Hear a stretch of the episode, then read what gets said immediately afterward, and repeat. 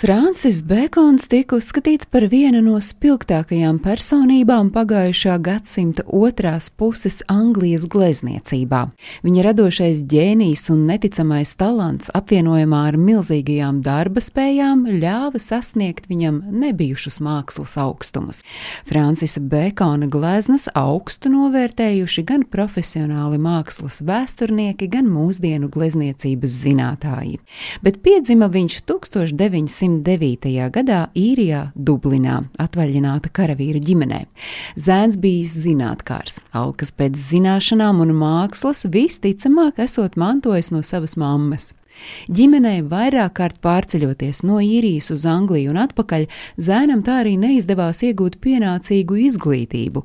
Turklāt topošais gleznotājs bērnībā nav varējis lepoties ar īpaši labu veselību. Jau kopš bērnības zēns bijis arī ļoti kautrīgs, bet izrādījis interesi par mākslu, bijis gan radošs, un turklāt viņa kaislība bijusi moda. Viņš mēdzis apkārtējos šokēt, ģērbjoties ļoti sievišķīgi, sieviešu drānās, bet reiz tēvs viņu pieķēris spoguļu priekšā, mammas apakšveļā gozējamies. Jaunības gados, būdams nepārāk turīgs, Francis Bekons diezgan veiksmīgi izdzīvojis Londonas homoseksuālajā vidē, ik pa laikam atrodot tur sev kādu sponsoru un atbalstītāju, kas viņam ļāva dzīvot un pilnveidoties gan Berlīnē, gan Parīzē. Un tieši Parīzē nokļuvis tolaik jau slavenā mākslinieka Pablo Picasso izstādē, viņš esot pavisam skaidri sapratis, ka vēlas kļūt par mākslinieku. Atgriezies Londonā, garāžā ierīkojas darbnīca un lielākoties pašmācības ceļā izglītojoties, sācis gleznot, paralēli strādājot par interjera dizaineri. Pirmā glezna, ar ko Francis Bekons piesaistīja publikas uzmanību, bija 1933. gadā radītā krustā sišana, glezna, kurā skaidri jaušama Picasso ietekme. Tad vairākus gadus ilgs klusums, jo gleznotājs esot meklējis iedvesmas avotus, un to šķiet atrada vien 40. gadu vidū pagājušajā gadsimtā. Nu, un tad kopš tā laika gleznotājam izdevies radīt virkni spilgtu darbu, un to starp triptihu Luciāna Freida trīs studijas, kurā attēlots Bekona draugs mākslinieks Luciāns Freids. Bekons šo gleznu uzgleznoja 1969. gadā Karaliskajā mākslas koledžā Londonā.